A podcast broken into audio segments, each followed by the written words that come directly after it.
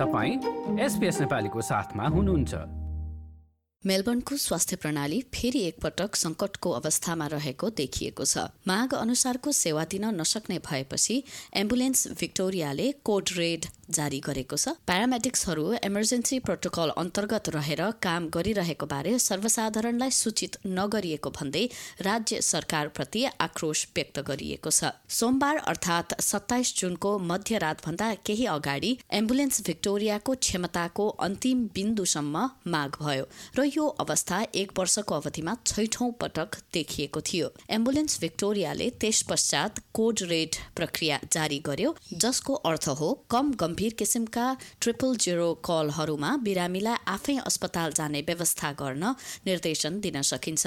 तर एम्बुलेन्स भिक्टोरियाका आपतकालीन व्यवस्थापनका निर्देशक जस्टिन डनलपले सार्वजनिक रूपमा यसबारे सतर्क नगराइएको बताए।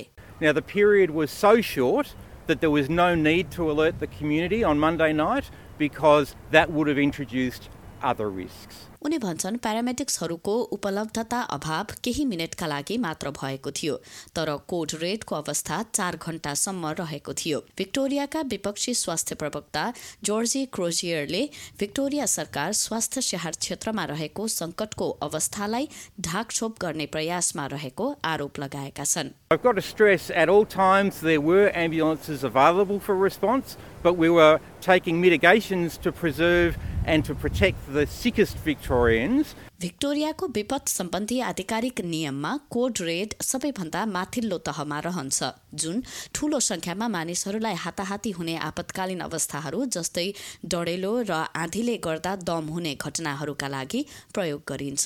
यसले गर्दा आपतकालीन परिस्थितिमा लिइने कदमको प्रक्रियामा परिवर्तन हुन्छ। यसको अर्थ ट्रिपल जिरोमा आउने कलहरूलाई अन्य सेवाहरूतर्फ मोडिन्छ। एम्बुलेन्स भिक्टोरियाका जस्टिन डनलप भन्छन् केही एम्बुलेन्सहरूलाई भने गम्भीर अवस्थाका लागि तयार पारेर राखिएको हुन्छ I've got to stress at all times there were ambulances available for response, but we were taking mitigations to preserve and to protect the sickest Victorians.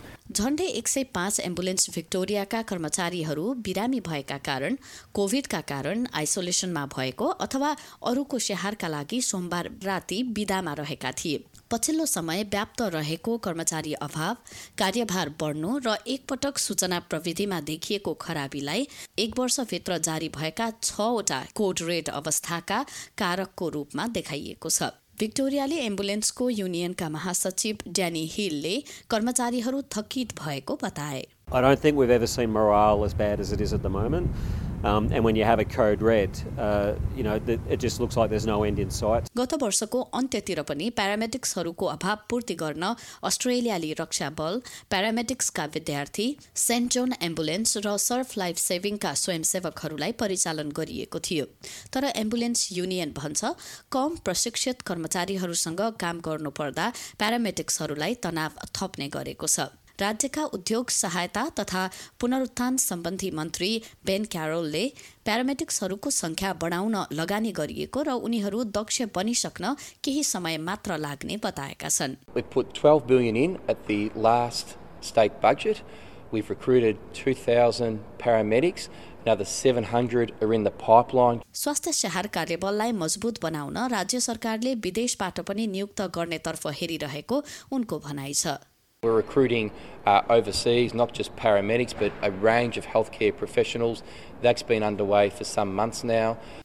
Ambulance युनियनका ड्यानी हिल भन्छन् पछिल्ला तीन वर्षमा स्वास्थ्य स्याहार कर्मचारीहरूले निकै धेरै कामको चाप खेप्नु परेको थियो यसले गर्दा जीपी क्लिनिकहरू अस्पताल र वृद्ध स्याहार केन्द्रहरूमा प्रभाव पर्दा प्यारामेटिक्सहरू रक्षाको लागि अन्तिम विकल्प बन्ने गरेको उनले बताए Um, we are seeing delays with people getting access to GP appointments, um, so they probably get frustrated and dial triple zero. We're seeing, um, you know, strain on the aged care system, so again they rely on triple zero. So um, the spillover of all the strain across the health system does have a flow-on effect to ambulance and emergency departments. उनी भन्छन् covid उन्नाइस प्रतिबन्धहरू खुलेपछि देशले पहिलो पूरा flu सिजनलाई सामना गरिरहँदा प्यारामेटिक्सहरूमा पर्ने चाप झन बढ्नेछ